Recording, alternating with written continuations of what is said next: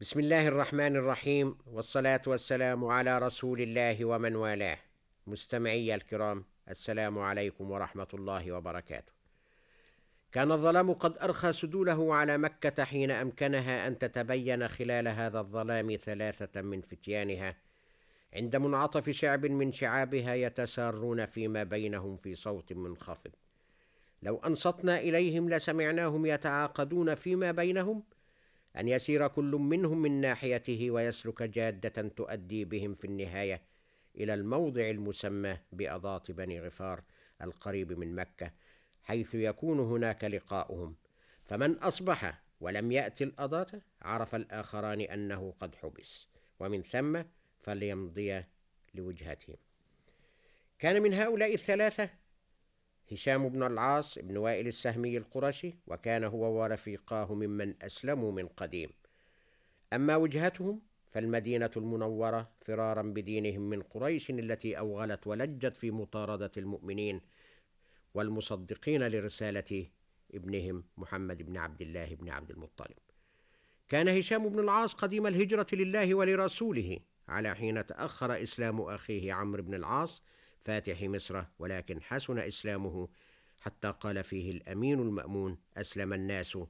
وآمن عمرو الذي حسبنا أن نذكر أخاه لأمه عقبة بن نافع وإن يكن فهريا.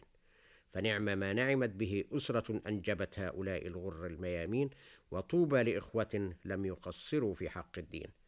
كان هشام قد سمع بأمر الدين الجديد الذي جاء به سيدنا محمد وكان يعرفه ويسميه كما يسميه القرشيون إذا ذكر بينهم بالصادق الأمين والذي ارتضوه حكما بينهم. يوم اختلفوا وكادوا يتنازعون حول من يضع الحجر الأسود مكانه فكان طلوع الصادق الأمين عليهم مجمعا لكلمتهم قاضيا على شقاقهم. هكذا كان محمد في الجاهلية والإسلام رسول وحده وحب وأخوة وسلام. ونزل الوحي على الرسول عليه السلام وآمن به أهل بيته ثم تحدث بأمر الدين إلى أبي بكر فآمن به. ثم راح ابن أبي قحافة يدعو إلى الإسلام من يضمهم مجلسه.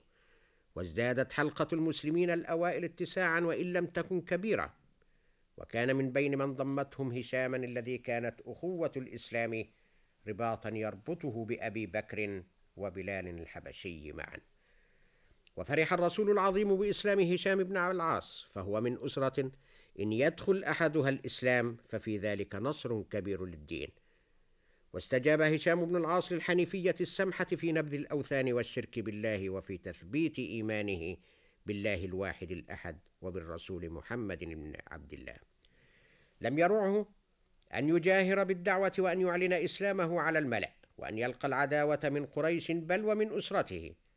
واصاخ هو للرسول عليه السلام حين أذن للمسلمين الأوائل بالهجرة حفاظا على دينهم. وفي الأرض منأ للكريم عن الأذى وفيها لمن خاف القلى متحول. كان صاحبنا هشام ثالث ثلاثة من بني سهم هاجروا إليها وثاني اثنين عادا منها. فلما كانت هجرة الرسول إلى يثرب أجمع هشام بن العاص أمره على أن يكون له شرف الهجرة. لكنه حبس بمكة في من حبستهم قريش حتى لا يزداد المسلمون عددا في دارهم الجديدة وحتى لا يشتد أزرهم بالأنصار ويشتدوا هم بهم أزرا. وتتسامع بذلك العرب في أرجاء الجزيرة. وطال حبس قريش لابنها هشام حتى كان بدر وأحد والخندق لم يشرف بأن يشهد. حبست قريش هشاما وضايقته وفتن فافتتن كما يقول ابن إسحاق. فهل حقا تزعزع إيمانه؟ وهل استكان للمشركين؟ كلا. فقد كان قلبه وروحه وجنانه مع محمد عليه السلام وأصحابه السادة الكرام الذين أراد الكفار حجب هشام عنهم. وسكت هشام على مضض حتى ظن الناس أنه افتتن.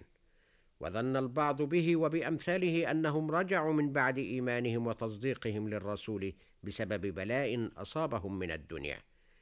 وفي ذات يوم من الأيام جاءته وهو في مكة رقعة من عمر بن الخطاب الذي كان بالمدينة وفيها هذه الآيات قل يا عبادي الذين أسرفوا على أنفسهم لا تقنطوا من رحمة الله إن الله يغفر الذنوب جميعا إنه هو الغفور الرحيم.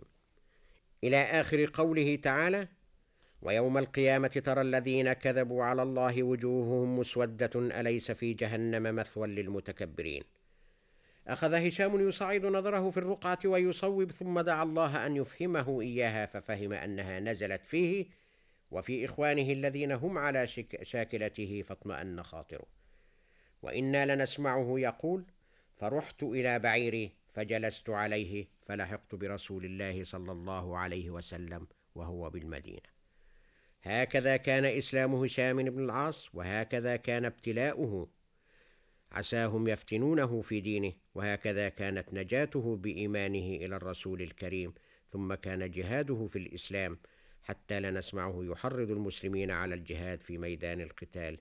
يا معشر المسلمين إلي إلي أنا هشام بن العاص أمن الجنة تفرون فمات شهيدا وطوبى هاميتة لمن رضي الله عنهم. مستمعي الأفاضل شكرا لكم على إصائكم والسلام عليكم ورحمة الله وبركاته.